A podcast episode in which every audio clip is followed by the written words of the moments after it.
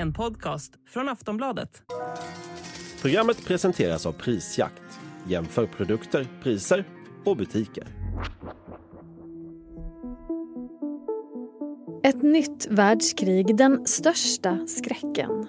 Många är de som spekulerar i hur och varför det skulle kunna bryta ut. Särskilt när läget i världen känns mer oroligt än på väldigt länge. USA har fortfarande den starkaste och dyraste krigsmakten.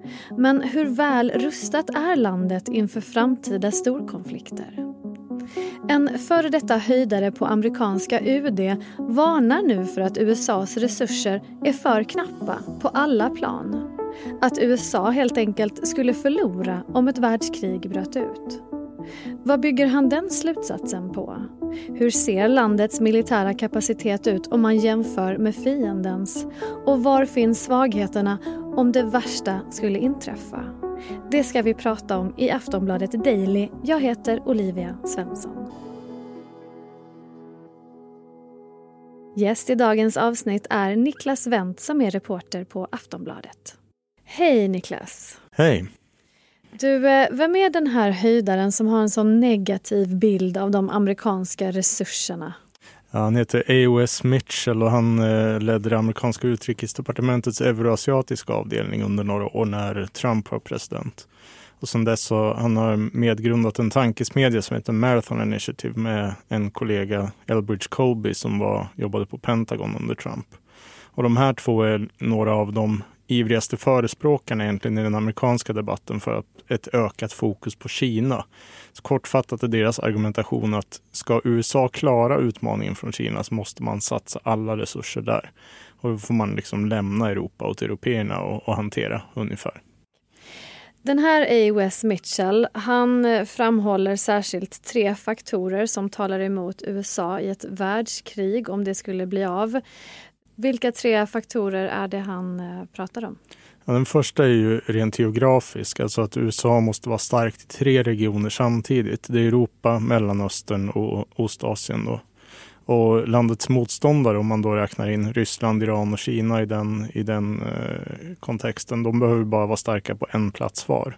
Och alla de här krigsskådeplatserna ligger ju långt bort från USA och väldigt nära motståndarna, vilket är ett ytterligare problem för USA. Den andra faktorn, industrikapacitet. Att USA vann ju andra världskriget på industrigolvet helt enkelt. Man kunde pumpa ut flygplan och skepp och fordon i en takt som motståndarna helt enkelt inte kunde matcha.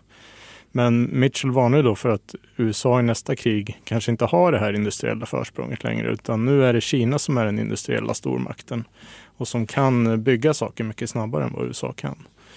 Uh, och den tredje är pengar då, att USAs statsskuld redan nu är väldigt hög. Under andra världskriget så fördubblades den nästan som andel av BNP upp till över 100 procent. Och nu ligger den redan över 100 procent från början.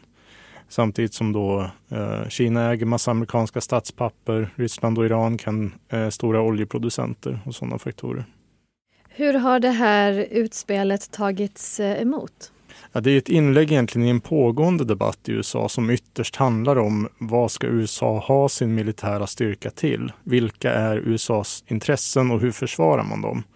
Och den skolan som Mitchell och Colby tillhör, de menar ju att västra Stilla havet det är mycket viktigare för USA än till exempel östra Europa. Det är där det är viktigt på något sätt att, eh, att fokusera sin styrka på. Och det ruckar ju för vår del en världsordning som där säkerheten i Europa sedan andra världskriget har varit väldigt beroende av USA. Först i Västeuropa och sen resten av Europa också. Och vad säger de som inte håller med? Ja, de säger ju att eh, om man tittar på kriget i Ukraina eh, till exempel så, så tycker de andra sidan, och där ingår ju president Biden till exempel, att det är, är liksom viktigt att eh, inte Ryssland lyckas med det de försöker göra. Att det, att det, är liksom, det skickar signaler till Kina att USA inte står upp för sina allierade. Och det liksom frigör inga resurser utan det här är liksom ett globalt krig som utkämpas redan nu på väldigt många platser samtidigt. Och att eh, USA, eh, Ryssland och Kina är ju nära eh, vänner och även om de inte är formellt allierade men de har ju gemensamma intressen att liksom försöka riva ner den amerikanskledda världsordningen på något sätt. Då. Så att det där är en, en kamp som, som pågår eh, på flera håll samtidigt och man kan liksom inte bara fokusera på Kina. Det är väl det den andra sidan säger. Om man ska lyssna på Mitchell och den här Colby då, vilken av de tre faktorerna är mest allvarlig? Var finns USAs största brist vad gäller kapacitet att kunna klara ett stort krig? Just nu känns det här med industrikapaciteten svårt att komma ifrån eftersom Ukraina-kriget har avslöjat så ganska brutalt vilka förutsättningarna är där. Att krig kan bli långa och de kräver väldigt mycket resurser. Och det har också visat hur mycket försvarsindustrierna både i Europa och USA har förtvinat och att de inte, det går inte att bygga upp dem snabbt igen. Det är flaskhalsar och massa problematik på nästan alla områden oavsett om det gäller motorer till robotar eller granater eller fartyg eller krut, sådana enkla saker. Eh, om man tar det här eh, Stinger till exempel, den amerikanska handburna luftvärnsroboten.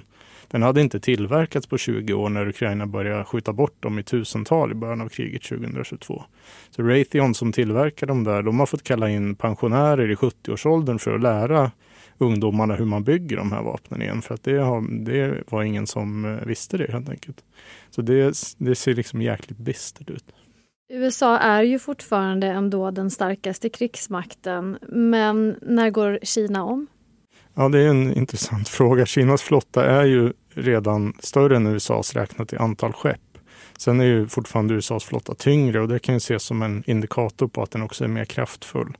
Men det är ju ganska svårt att mäta militär förmåga eh, genom att bara titta på olika papper och sånt där. Hur effektiva är Kinas långräckviddiga robotar? Kan de slå ut amerikanska hangarfartyg och på vilka avstånd? Eh, men de flesta som försöker göra bedömningar av det här menar väl att det är de sidorna är ganska jämbördiga nu om man ser på ett, ett krig som utspelar sig nära Kina åtminstone. För då har ju Kina fördelen av att kunna lyfta med plan från egna baser och man måste inte transportera sig långt och sånt där. Medan USA då har nackdelen av att man är beroende av ett fåtal baser eh, i området och som bara flera finns hos allierade då.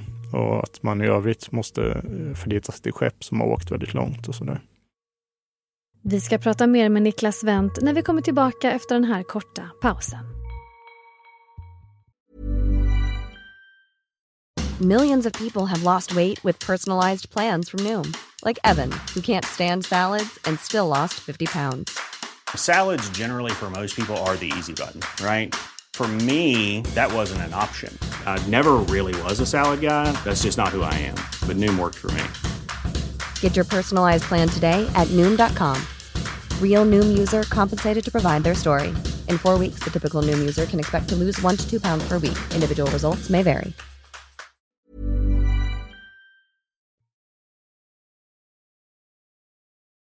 När man pratar om världskrig överhuvudtaget, Niklas, vad är det egentligen man tror skulle kunna utlösa det i så fall? Vad är det för område man tittar på? Vad är det för typ av konflikter?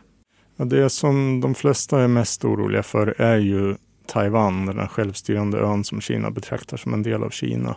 Och att, att Kina på något sätt skulle försöka återerövra den och att USA skulle gå in då till Taiwans försvar. Det är väl en sån, en sån punkt som skulle kunna eskalera väldigt snabbt till då ett världskrig.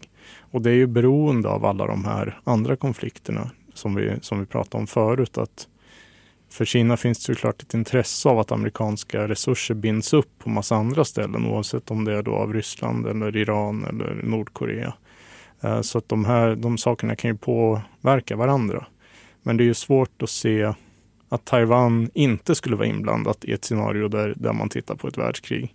Det, ett världskrig kan liksom inte Nordkorea starta på egen hand eller, eller eh, Iran eller sådär. Och, och kriget i Ukraina då?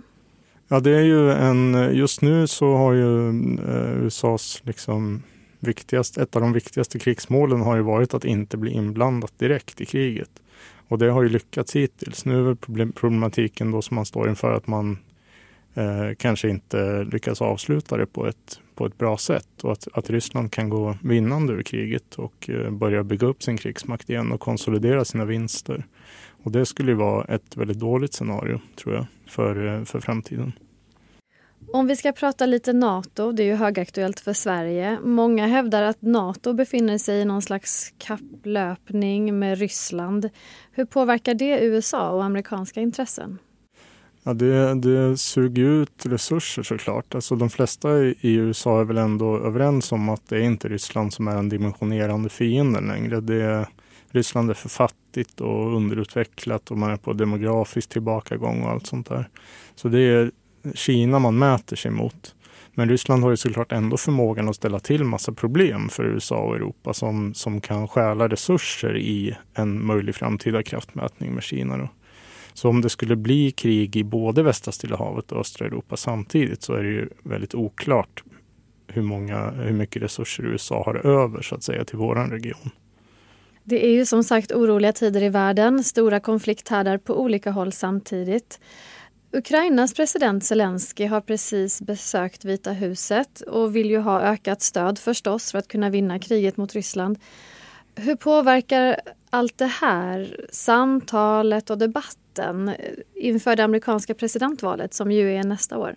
Ja, det är en del av, av problemet. Jag läste en intervju med den amerikanska Rysslandskännaren Fiona Hill häromdagen. Hon, hon menar just att, att anledningen till att republikanerna försöker stoppa Ukraina-stödet är ju för att det har bundits upp i den här inrikespolitiska diskussionen. Man vill liksom inte ge Biden något som ser ut som en seger överhuvudtaget. Oavsett om det ligger i USAs nationella intresse eller inte. Man ser liksom sin egna partihänsyn och de inrikespolitiska hänsynen framför det som, som USA Eh, har intresse av globalt. Och vad Europa eller Ukraina har intresse av, det ligger ju väldigt långt ner på, på dagordningen. Och det, jag tror att hennes tolkning eh, känns väldigt rimlig. Det är ju väldigt obehagligt att prata om världskrig. Det är ett obehagligt ord, det är ett obehagligt scenario. Men eh, det är ju många som skramlar på en gång. Det pratas om upprustning och kapprustning på många olika håll. Ska man vara nervös för att några av de här pågående konflikterna eskalerar, Niklas? Svår fråga. Det är svårt att säga hur, man, hur nervös man ska vara. Men jag personligen så, nu kanske jag har en, en tendens att se saker eh, från den mörka sidan då. Eh, men det är en väldigt läskig tid tycker jag. I, och den blir än mer läskig om det är så att USA inte förmår fortsätta stötta Ukraina. Stötta Ukraina. För vad kommer Kina dra för slutsatser av det? Om USA inte kunde hålla ut stödet för Ukraina, vad talar för att de skulle kunna göra det i ett krig om Taiwan, där amerikanska liv kanske står på spel och där insatserna är mycket högre? Och alla, alla länder i världen måste ställa sig frågan, ja men vad är det värt att vara en allierad eller partner till USA? Hur mycket skydd ger det? Eh, kan man lita på dem om det, om det bränner till?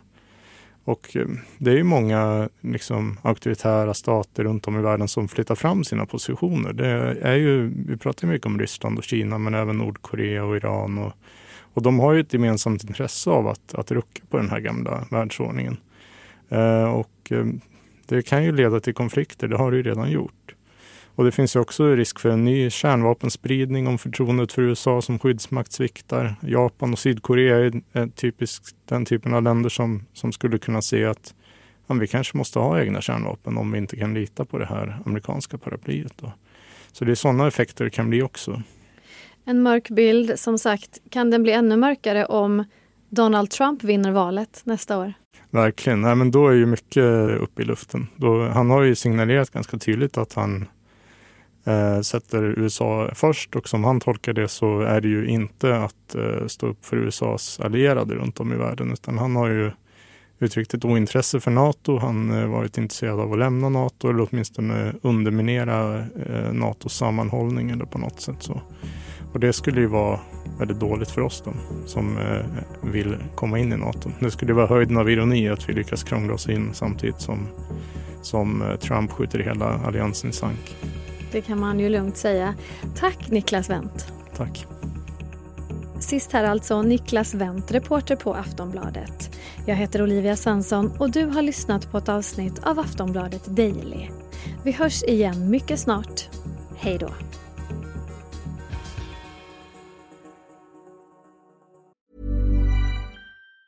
Tired of ads barging into your favorite news podcasts? Good news. Ad-free listening is available on Amazon Music for all the music plus top podcasts included with your Prime membership. Stay up to date on everything newsworthy by downloading the Amazon Music app for free or go to amazon.com slash news ad free.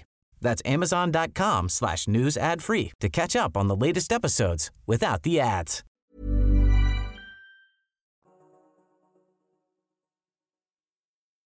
Du har lyssnat på en podcast från Aftonbladet. Ansvarig utgivare är Lena K Samuelsson.